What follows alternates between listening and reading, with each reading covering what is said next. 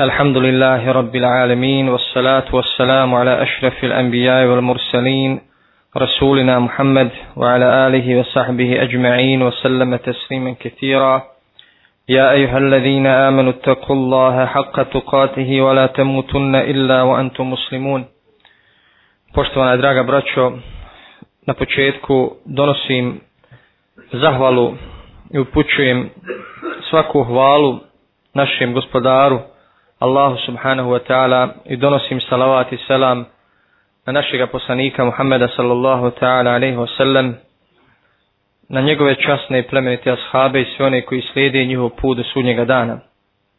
Kao što vam je poznato i najavljeno, jeli, večera ćemo govoriti o temi koja nosi naslov duhovna strana čovjekovog života – Inače, svima je poznato da je čovjek, odnosno mi, da smo uh, biće duha i materije. Da čovjek nije samo duhovno biće, niti je samo materijalno biće. Ima potrebu i za materijalnim stvarima, odnosno za materijalnim životom, ima potrebu i za duhovnim životom. Mi ćemo govoriti večeras o ovoj duhovnoj strani čovjekovog života, duhovnom aspektu čovjekovog života. Zbog toga što je, što je on i tekako bitan, on je bitniji. Zato što čovjeka čini duša, čini ga njegova duša, njegove vrline, to je abstraktno, nevidljivo. To se ne može jeli, opipati, to samo može primijetiti na čovjeku. To čini čovjeka. Kada kažemo da je čovjek dobar, da je pošten, da je ovakav, mislimo na, na njegovu dušu, na njegove vrline, ne mislimo na njegovu figuru. Jer naše figure su prolazne.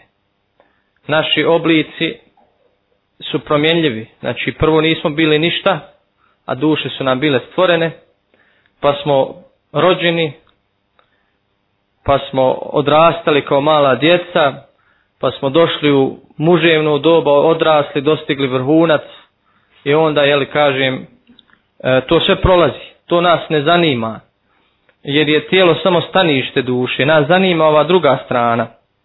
Znači, kao čovjek kao što ima potrebu da jede, da spava, da pije, tako ima potrebu za, da, za duhovnom hranu. Odnosno, ži, čovjek živi dva života, materijalni i duhovni. Sva vjera, svi vjerski propisi su usmjereni i objavljeni s ciljem uh, uspostavljanja i usavršavanja ove duhovne strane života. To čini čovjeka sretnim i na ovome i na onome svijetu. Kaže uzvišeni Allah Men amila salihan min zekrin a unsa wa huwa mu'minun falanuhyiyannahu hayatan tayyibah wa lanajziyannahum ajrahum bi ahsani ma kanu ya'malun. Kaže ko uradi dobro djelo ili ko bude radio dobra djela a on a vjernik je bio muškarac ili žena. Vidimo da su u islamu i muškarci i žene ravnopravni po ovome pitanju. Mi ćemo dati mi ćemo dati da živi ili proživi lijep život na ovome svijetu već. Na ovome svijetu će Allah dati da onome ko radi dobra djela, ko vjeruje radi dobra djela, bio čovjek ili žena, a vjernik je, jeli, da će mu da proživi lijep život, udoban život. To je život duševnog ili duhovnog zadovoljstva. Život ispunjen rahatlukom, duhovnim rahatlukom. To jeste pravi život. Znači oni koji budu vjerovali dobra djela radili, pored svih dunjalučkih nedaća i tegoba, Allah će im dati da dožive, da žive lijep život. Da u tome životu osjećaju slast i smisao svoga života. Za razliku od oni koji su Allaha okrenuli leđa i koji su se odali nemaru i strastima, bez obzira koliko njihov život izgledao lijep i udoban, oni žive tegobnim životom. Životom punim briga, tuga, rastoren i tako dalje. Kada govorimo o duhovnoj strani života, ova potreba, znači da tu duhovnu stranu uzgajamo, da je izgrađujemo i čuvamo, ona je posebno izražena u ovim vremenima. U ovim vremenima kada se zlo namnožilo. Znači u kojem je čovjekova duhovnost, ta duhovna snaga i energija ugrožena – ugrožena, ozbiljno ugrožena u društvu kojem dominira nemoral, dominira zlo, dominira bez, bezboštvo ili bezbožništvo. Ljudi su okrenuli se od vjere, slijede šeitanove stope, šeitanov put. To je, to je naše stanje, mi htjeli to priznati ili ne htjeli, jel? Neko to neće da prizna, to je njegova stvar. Mi živimo u takvom vremenu. I kažem u tom vremenu iskvarenost, jedne opće iskvarenosti, ova potreba još izraženija da, da svoju duhovnu stranu života da ju temeljimo dobro. Jer je ugrožena. To vam isto kad imate recimo neku građevinu na mirnom podneblju gdje, gdje nema poplava, zemljotresa i kad imate građevinu na, na podneblju gdje su stale zemljotresi, poplave, oluje i tako dalje. Ova je više ugrožena.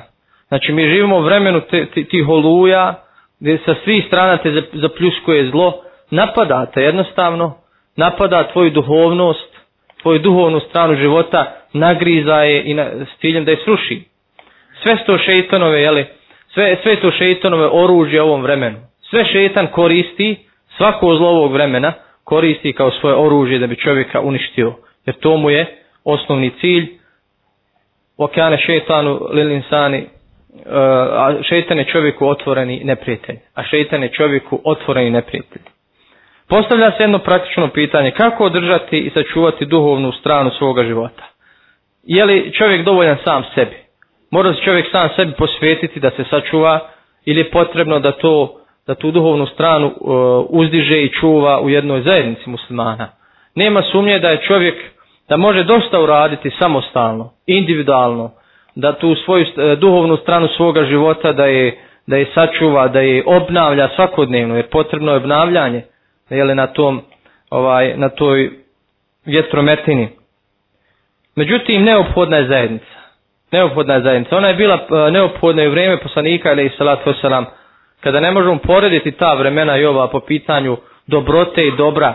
To su bila dobra zlatna doba gdje je dominiralo dobro i muslimanu je u to vrijeme bilo puno lakše biti musliman. Dok mi živimo u drugom vremenu gdje dominira zlo i muslimanu nije lahko biti musliman. Neću kazati da je nemoguće, kazat ću nije lahko biti pravi musliman. Znači neophodna je zajednica. Mi se sjećamo, svi se dobro sjećamo ratnih godina i posle ratnih onih 4-5 kada je u ovim našim prostorima, na ovim našim prostorima zračila nada neka izračilo to je li ovaj e, ta duhovnost gdje je bilo mnoštvo tih predavanja, mnoštvo druženja omladinski islamski, mnoštvo o, medresa, mnoštvo halki Kur'ana, mnoštvo onoga, mnoštvo mnoštvo e, znači svih tih faktora koji utiču na učuvanje čovjekove duhovne, stoga je sve manje Toga je danas vrlo malo, mogu slobodno kazati, vrlo malo. Krivi smo po najviše mi, jer smo mi oslabili. A naravno ima tu i vanjskih faktora, dušmana koji su to svim sredstvima suzbijali, ukidali, jer znaju da je u tome snaga istine i snaga imana, jeli, snaga vjernika. Znači, dok, ako želimo, draga braću, da sačuvamo svoju duhovnost, tu duhovnu snagu i energiju koja, koja se stalno crpi. Ne možemo kazati jedno, mi, mi smo se sad, na, proučili smo deset hatmi i klanjali smo toliko rekiata i to nam je dovoljno dok, dok smo živi, ne može. Ta se duhovna energija crpi, crpi. Sve što je više tih zala oko nas, ona se sve više crpi. Zato je neophodno da je obnavljamo. Kao, kao čovjek kada se najede, on je sit pola dana, međutim opet izgleda, opet mora da jede tako isto sa tom duhovnom energijom, duhovnom snagom. Jer čovjek ima dvije energije, ima tu fizičku energiju i ima duhovnu energiju. Fizičku energiju znamo kako se postiže, a dizanjem tegova, jeli, i dobrom hranom, a duhovna energija se postiže na jedan drugi način koji, koji nam je također poznat. Koji nam je također poznat, a o čemu ćemo govoriti malo, malo kasnije. Znači, mi živimo u vremenu i društvu gdje se duhovna energija i snaga veoma brzo troši. To vam isto kad se čovjek pripremi fizički za neke napore koji su izuzetno teški. Brzo se troši energija. Recimo neki sportovi ili neki posao, kosidba, kopanje i tako dalje. Tu se energija brzo troši. Čovjek se može pripremati ili recimo neki sportovi gdje se čovjek priprema mjesecima za tri minute borbe. Priprema se mjesecima ili za pet minuta ili za 20 minuta. Mjesecima možda i godinu se priprema da to potroši u ti 20 minuta. Tako isto kada je u pitanju duhovna snaga i energija. Jer mi, kažem, e, živimo u vremenu gdje se ta energija veoma brzo troši i stoga je potrebno uzimati mnogo više duhovne energije nego u nekim drugim vremenima. Čovjek kada ide nizbrdo, brdo, ne troši puno energije. Kada ide poravni, malo više troši. Međutim, kada ide uzbrdo, non stop, puno energije troši. I brzo se umori. Mi na ovome putu idemo uzbrdo sad. Idemo uzbrdo, znači put može biti ovaj kratak, ali je naporan, iscrpljući. Zato je potrebno dosta duhovne energije. Nama je sigurno fali. Mi svi znamo naša stanja i to je primjetno. To je primjetno, jel? Nakon ovoga shvatamo da duhovna, e, znači, na duhovnoj strani našeg života moramo posvetiti puno više pažnje. Nažalost, mi ako analiziramo svoj život, svako pojedinačno vidjet će da ne, ne posjećuje dovoljno, ne posvećuje dovoljno pažnje toj duhovnoj energiji, duhovnoj snazi. Mi e, vrlo a, e, više, veoma više posvećujemo pažnje da se dobro najedemo, da nešto kvalitetno pojedemo, a mnogo manje posvećujemo pažnje da se duhovno nahranimo. Zavaravamo se ako mislimo da nam je dovoljno da klanjamo pet vakata namaza, da je to dovoljno duhovne energije dnevno i da proučimo strancu ili jednu ili nijednu Kur'ana, zavaravamo se ako mislimo da je to dovoljno. Mi puno više trošimo duhovne energije nego što je unosimo svakodnevno. Posebno kada znamo kakvi su nam namazi postali. Kakvi su nam namazi postali. Znači bez, bez onog duha, bez one skrušenosti koja daje, koja daje snagu čovjeku. Mi znamo da je namaz kvalitetan onoliko koliko je čovjek skrušen u njemu, koliko je ponizan. To je znači snaga i to daje ovaj čovjeku tu duhovnu snagu. Dok, kao što je poslanik Ali Islata nam kazao da će neki ljudi svoga namaza imati E, pola, neki će imati desetinu i tako dalje. Tako isto, znači, kada klanjamo, možemo od svoga namaza imati dosta koriste, duhovne snage, a možemo klanjati i izići iz namaza, a da nismo se nimalo duhovno napojili. Zato je na prvom redu, znači namaz je jedna osnova, jedna znači, jedan temelj koji nam je neophodan a sve ostalo na nje, gradi se na namazu. Nažalost, mi, kažem, ne posvećujemo dovoljno pažnje duhovnoj strani života. Analizirajmo svako svoje stanje. A zato nam se i dešava da duhovno klonemo, da oslabimo i mnogima se dešava duhovno umru. A zna se duhovne smrti su kada čovjek zapostavi vjeru potpunosti. Može ponekad i klanjati, međutim taj namaz je samo formalnost. Samo formalnost i ono tog namaza, ha klanju, ha ne klanju, isto mu je. Zato kaže znak da je namaz primljen ili bilo koji drugi ibadet učenje Kur'ana, da, da je ostavilo na, na nama traga ili post, da se, da se bolje osjećamo poslije tog ibadeta nego prije, da se osjećamo duhovno napojeniji, duhovno snažniji. To je znak da je taj ibadet ili dijelo ostavilo na nama traga. Šta trebamo činiti da bismo dovoljno ispunili duhovnu stranu svoga života? koja nam opasnost prijeti ako zapostavimo tu svoju duhovnu stranu. Te opasnosti, prvo ćemo se dotaći tih opasnosti, jel? Prva je da duhovno klonemo i to ide postepeno. Malo pomalo čovjek je ne osjeća dok dođe u stadi, u stanje kada više ne može da se trgne. To vam isto kao organizam. A u početku bolesti čovjek može da se vrati nekim blažim lijekovima, čajevima, limunom. Međutim, ako bolest ode u drugi treći stadij ako obuzme tijelo čovjek mora doktor mora mora moraju se teže terapije trošiti pitanje hoće li ozdraviti i ako ne ozdravi onda slijedi smrt tako isto je ova duhovna smrt znači ako zapostavimo duhovnu stranu svoga života prijeti nam duhovna smrt šta je neophodno činiti da bismo se duhovno punili i hranili i sačuvali duhovne propasti i smrti. Kaže na prvom redu neophodan je namaz. Neophodan je namaz i moram posvetiti pažnju svome namazu. Ja sam prije ovog večera s Akšama vidio prizor koji ne, ne govori, koji ne upućuje na dobro. I kamet se uči, još priča nije završena, još se priča, još e, donešen početni tekbir, još se priča. Poslanik Ali Salatu Osalam dolazio na namaz ili prije i ashabi, to je preporučio svima nama. Zbog čega? Da se pripremimo za taj namaz, da imamo od njega koristi. Da se pripremimo, da, da se usredsredimo svoje misle, da dolazimo pred Allah, da ćemo, da, da ovaj, sakupimo tu svoju tu pažnju, da budemo skrušeni, da mislimo namazu. A ne možemo odma iz, iz dućana u, na, na prvi rekiat. Teško to ide dok tek na trećem tamo pri, prije selama do, shvatimo da smo u namazu. A već selam došao.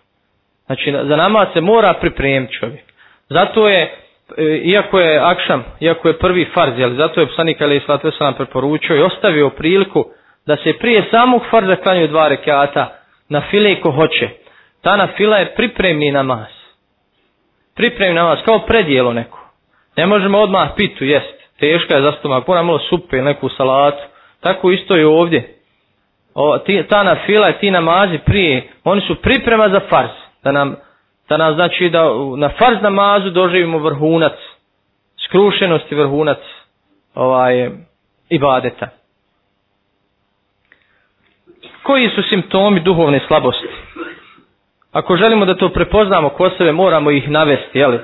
Prvo, znači, kao i svaka druga bolest, ta duhovna slabost ima svoje simptome. Prvi sim, simptom koji je prvi, prvi se pojavljuje jeste lijenost u ibadetima i dobrim dijelima, općenito lijenost u ibadetima i dobrim delima općenito, a to je prije svega namaz. Kada mi je teško namaz obaviti, kad se vučemo na namaz, gonimo sami sebe, a onda je to loš znak. To su znakovi već ovaj, te duhovne, duhovne bolesti ili duhovne slabosti. Tako isto za post. Ne govorimo sada o, o Ramazanu, nego o na filama, o na fila postu. Mi su to i zaboravili, ne znamo gdje se nalazi u knjigama. Jel? A, da, o sadaki, Ne možemo sebe natjerati da danemo sadaku.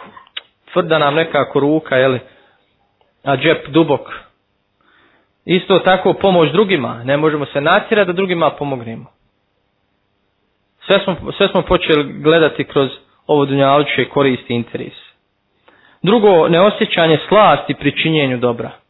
I ako nemamo lijenosti, dođemo znači, u, u situaciju da činimo dobro, da klanjamo, da dajemo sadaku, ne osjećamo slast pri činjenju tog dobra. I to su znači znakovi duhovne slabosti. Treće je druženje sa zlim i pokvarenim mislima. To jeste puna nam je glava nekakvih šupljih misli i pokvarenih misli i to je postala naša svakodnevnica. Znamo da je stanje vjernika sasvim drugačije, da vjernik, e, njegove misli su obuzete lijepim razmišljanjem, mi, mi, mislima o dobru, o Allahu, o, o džennetu onome svijetu. Inače, znači, njegove misli su usmjerene ka dobru, ka, ha, ka hajru. Četvrti simptom je opći nemar, odgađanje dobra i nada u dug život. Peti je briga o tuđim mahanama, o sve posljedice koja vuku jedna drugu. Kad, sve, kad nas sve ovo zadesi, onda umjesto se brinjemo o našim problemima, našoj bolesti, mi se brinjemo o tuđim problemima. Pova pa je ovaka, ova je onaka, svidi ovoga, svidi onoga. Jer čuo šta se s ovim desilo, i tako dalje. Ne s ciljem da mu pomognemo, ne s ciljem da se mi naslađujemo njegovim, njegovim ovaj, sibetom. Drago nam što, što je ovako, što mu je s ovo ili ono desilo. Dalje, šesto mnoštvo ovo svjetskih želja. Takav je insan. Iz želje u želju. I nikada zadovoljiti svoje ambicije, svoje želje. A znamo da vjernik, on je skroman po tom pitanju. Nema puno ovo dunjalučkih želja.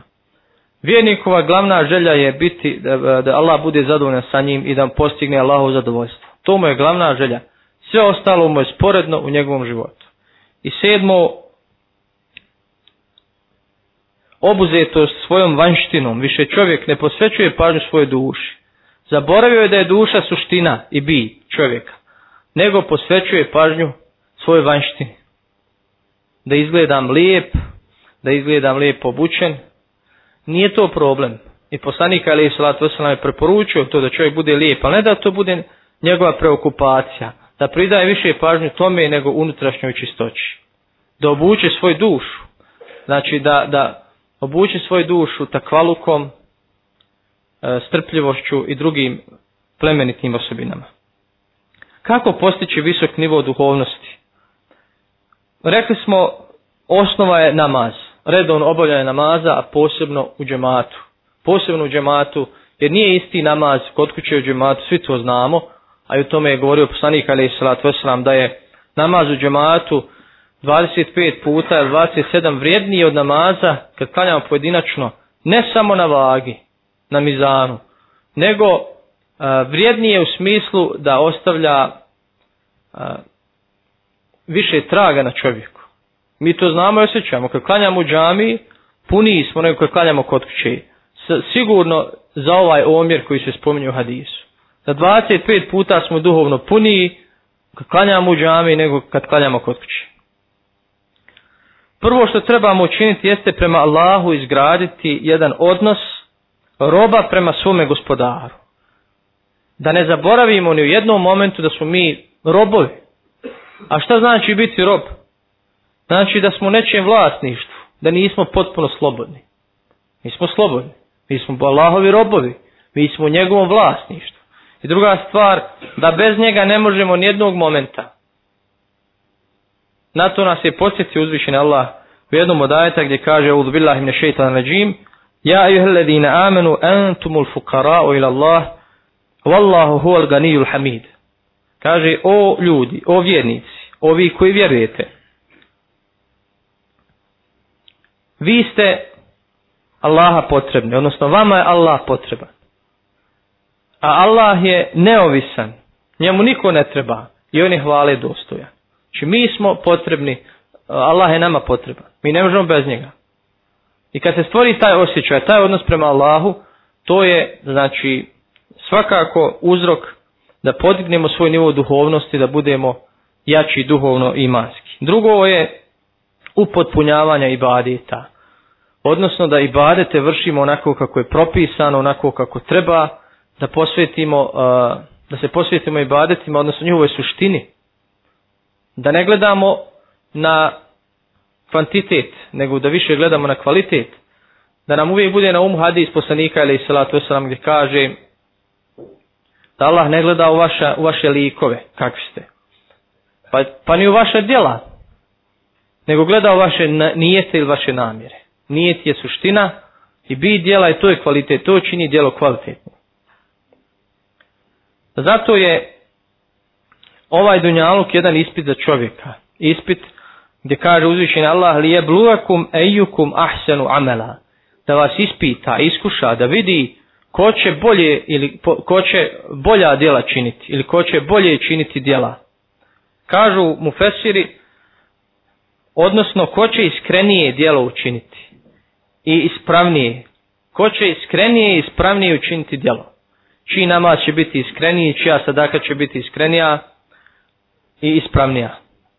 U smislu i badita recimo, mi znamo da namaz može biti ispravan, može biti manje i više ispravan. Isto tako i post, i zekat, i drugi ibadeti. Mogu znači biti manje i više ispravni. Sve zavisi od toga kako smo ih kvalitetno obavili. A ispravno djelo je ono kojim se želi Allahovo zadovoljstvo. To je ispravno djelo. Sve mimo toga je a, prašina koja dok padne kad je baciš iz šake i dok padne na tlo nema je. Tako je sa djelima kojima ne želimo Allahovo lice i zadovoljstvo. I ono djelo koje je u skladu sa poslanikom praksom. To su dva uvjeta da bi djelo bilo primjeno. To smo od davnina čuli i slušali. Prvo je da bude iskreno i drugo da je u skladu sa praksom poslanikom. Treće je posvećenost Allahove knjizi. To je jedan od uzroka da očuvamo svoju duhovnost, da tu duhovnu stranu ojačamo, da se uh, napojimo duhovne energije, da se družimo sa Allahom knjigom, sa Kur'anom. Govoriti o Kur'anu je nešto ili posebno, mogli bi po, jedno posebno poglavlje, predavanje posvetiti tome. Kur'an je blago koje nam je ostavio poslanik, ali i sallatu wasalam, uh, što je Božja riječ, koja ima posebnu duhovnu snagu, jača je od, jača je od namaza. Kur'an je po tom pitanju jači od namaza. Kako ćemo se posvetiti Kur'anu? Znači čitanjem na arapskom, to se ostavlja poseban trag, učenjem na pamet, razmišljanjem o kuranskim ajetima, okazivanjima, znači koja se spominju u Kur'anu, da kupimo ibret, da uzimamo ibret iz tih kazivanja, da se duhovno pojimo. Znači, Allahova knjiga treba biti naš vodič i naš program našeg života. Vodič i vodilje u našem životu. Nažalost, i tu ćemo konstatirati da se uglavnom generalno sve manje družimo s Kur'anom. Nekada smo se sigurno više družili. Zato što je bilo, kažem, ti, tog, ti prilika više, a i čovjek imao više volje, više motiva. Međutim, danas u ovom životu gdje ovi izazovi nas vuku u sebi, gdje crpe iz nas tu energiju, sve imamo manje vremena da čitamo Kur'an. Pa i kada uzmemo Kur'an, nemamo više slasti ili nemamo želje da se dugo družimo sa njim. 10-15 minuta je dosta. Kamo sati, jel? Kamo sati da provedemo sa Kur'anom? Kaže uzvišen Allah subhanahu wa ta'ala Evo men kane ميتا فاحييناه وجعلنا له نورا يمشي به في الناس كما مثله في الظلمات ليس بخارج منها كاجي زري اوناي كوي بيو مرتف odnosno zabludi to je ta duhovna smrt a koga smo mi oživjeli dali mu nur odnosno svjetlost pomoću kojeg se među ljudima kreće kao onaj koji je u tminama iz kojih ne izlazi a nevjernicima se čini lijepim ono što radi Znači nije isti onaj koji je bio mrtav prije upute, pa smo ga mi oživjeli, dali mu nur, mu fesiri kažu da je taj nur, da je to Kur'an, da je to svjetlo Kur'ana, pomoću kojeg on živi i hoda među ljudima, on mu je vodilja i putokaz, i kaže i, i onaj koji u tminama i koji luta u, u zabludi nisu isti, sigurno da nisu. Kaže Said Kutb u svome tefsiru fi vilal Kur'an, tefsir koji, koji je poseban, specifičan tefsir, iako Sejid Kutb nije bio uh, klasični mu fesir, komentator Korana, ali bio je u istinu islamski mislilac koji je živio s Koranom, koji ga je protumačio i tumačio na jedan poseban način, koji je najprihvatljiviji običnom čovjeku. Bez, oni, bez ulaska one, uh, ona tumačenja riječi ili harfova, kao što su oni klasični nekad mu fesiri radili, nego on je e, tumačio Kur'an na jedan živ način, da oživi naše srce. Pa poslušajmo što on kaže, recimo, pri komentaru ovog ajeta. Kaže, ova akida, odnosno vjerovanje, stvara u srcu život, daje srcu život nakon smrti, nakon što je bilo mrtvo. I usađuje mu nur nakon tmina, daje mu svjetlost. Kaže, život koji mu vraća osjećaj za sve i daje mu ispravnu predstavu o svemu i procjenu svega jednim novim čulom koje nije imao prije ovoga života. Kaže, daje mu znači nur koji mu svojim zracima sve osvjetljava. On je to malo, jeli, na jedan poseban način i pjesnički i književnički, ali mislim da, da je ajet, da je njegov tefsir i komentar vrlo jasan. Znači, ta akida kada uđe u čovjekovo srce, čini ga živim. Živo srce u duhovnom smislu. Nakon što je bilo mrtvo. Usađuje mu, znači, vraća mu osjećaj ispravnu predstavu o svemu. Musliman mu'min traži odgovor na, u Kur'anu na sva pitanja, na sve dileme i sumnje. Tako su radile prve generacije. U Kur'anu je odgovor na sve dileme, koje znači nešto u životu. Ne mislimo na neke banalne stvari. Nego na sve dileme i pitanje koja znači nešto u životu. Ja opet kažem, mi se slabo družimo sa Kur'anom. Oni koji se druže s Kur'anom, koji ga znaju, koji znaju njegova ovaj, tumačenja, tefsir, oni su, oni znaju cijenti tu snagu Kur'ana. Mi to ne znamo. Jer se slabo družimo s Kur'anom. I ako se družimo, to je površno. Imamo i mi tefsire sad, ako ne znamo arapski.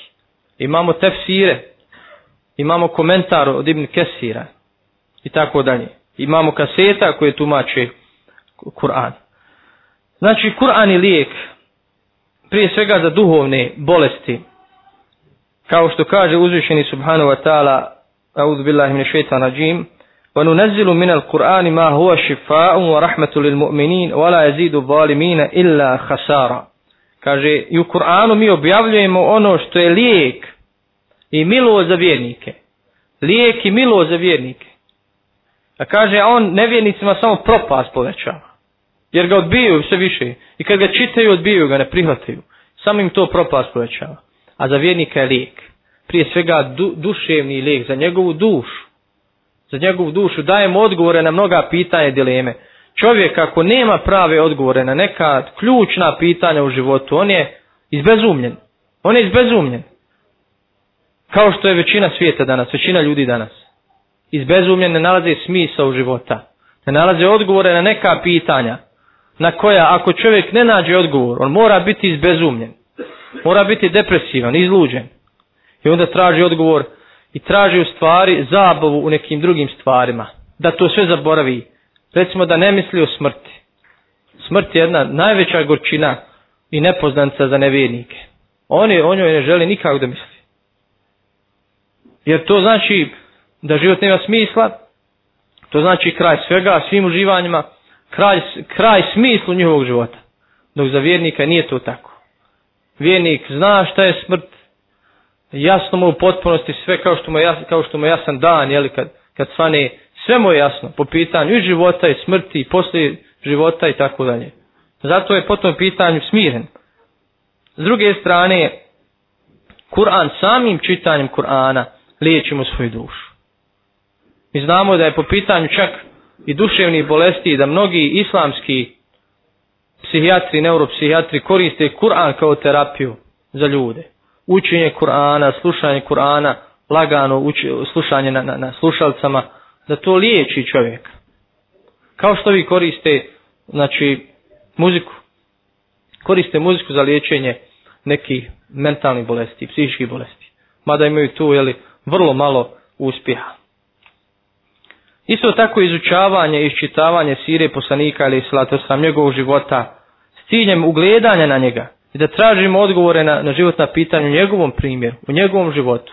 Da se ugledamo kakav je on bio u ibadetu, kakav je bio odnos prema ljudima, kako on prevazilazio životne nedaće i životne prepreke. Jer nam je on uzor. Da kad kane lakum fi rasulillahi usvetun hasene. Vi o lavom poslaniku imate najljepši uzor svemu u životu. Kaže imam Gazali u predgovoru svoga djela Fikho Sire, odnosno razumijevanje poslanikovog života, ka, jednu jeli, korisnu izjevu. Kaže Muhammed a.s. nije priča koju treba samo čitati i kazivati. Na dan njegova rođenja, kao što to danas svijet uglavnom radi. Imam Gazali, jel poznati koji se ovdje često ovaj, citira i njegove se knjige prevode, vidimo šta on kaže o tome. Da nije to suština, nije to znači e, vrhunac ljubavi i poštovanja prema poslaniku. Možda mi vazdan pjevati o njom pjesme. O Rasulallah, o Resule, o Nebije i tako dalje. Nećemo kazati da, da to ovaj, da ne valja, ako hvalimo poslanika. Međutim, nije to suština. Suština je da slijedimo njegov put, da budemo kao on. Zbog toga je poslan. Pa Oma arsalnaka ila rahmetel lil alamin. Mi smo te poslali kao milo svjetovima. Kao uzor ljudima. Nema smisla da, da poslanika hvalimo, opjevamo, opjevamo ga znači u, u tim kasidama i hvalospjevima, a poslije kad iziđemo na ulicu opet živimo svojim životom. Iđam jedim u kafanu ili e, samo klanjamo kad je to okupljanje, a poslije vratim u svom svakodnevnom životu. Znači, na poslanika se treba ugledati i slijediti ga u svim segmentima života. Islam nije samo posvećen ibadetima, nego u svim segmentima života, u odnosu prema drugima, njegove blagosti, strpljivosti i tako dalje, poniznosti, skromnosti na Dunjaluku, gdje on bio primjer svemu. Ako želimo najbolji primjer, trebamo se ugledati na poslanika, ali i salatu Koji je, recimo, samo uzet ću jedan primjer njegove skromnosti kad su ga pitali o Dunjaluku i njegovoj, njegovoj nezainteresiranosti za Dunjalu, kaže šta ja imam sa Dunjalukom? Znači vrlo jednostavna izjava, vrlo jednostavan hadis i poruka.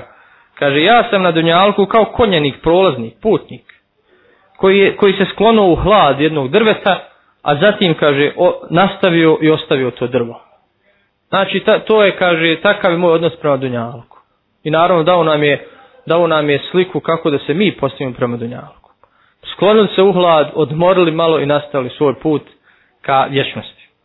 I na kraju ono što je najbitnije, zato što se može sprovoditi i realizirati u svakoj situaciji, to je dikr spominjanja Allaha subhanahu wa ta'ala, to je opet jedno posebno poglavlje o kojim se može govoriti, zikr je specifičan zbog toga što ga možemo uvijek činiti.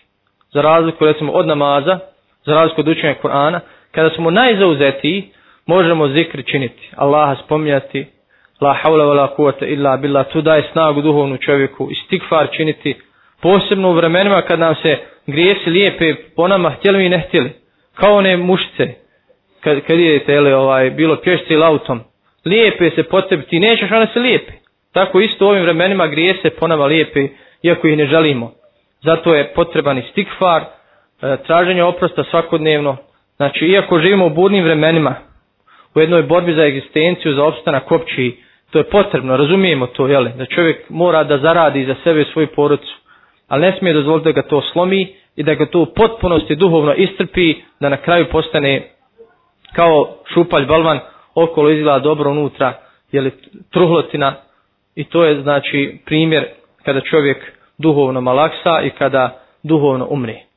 Kažem, ovo je vrijeme kada e, se ta energija duhovna snaga brzo crpi, zato je potrebno neprestano da se duhovno punimo i da više pažnje posvetimo duhovnoj strani svoga života nego materijalnoj. Iako ni materijalno ne treba zapostaviti, kao što kaže uzvišeni e, vola ten se na sibe kemine dunja i nemoj zaboraviti svoj udio na ovome svijetu. To se više misli na ovaj materijalni dio ili materijalnu stranu života. Ja molim Allaha subhanahu wa ta'ala da nas učini iskrenim, da nam podari snage i motiva i volje da ustrajemo na ovome putu, da nas duhovno napoji, nahrani, da izdržimo ovaj put dok ne zaslužimo njegovo zadovoljstvo i njegovu milost.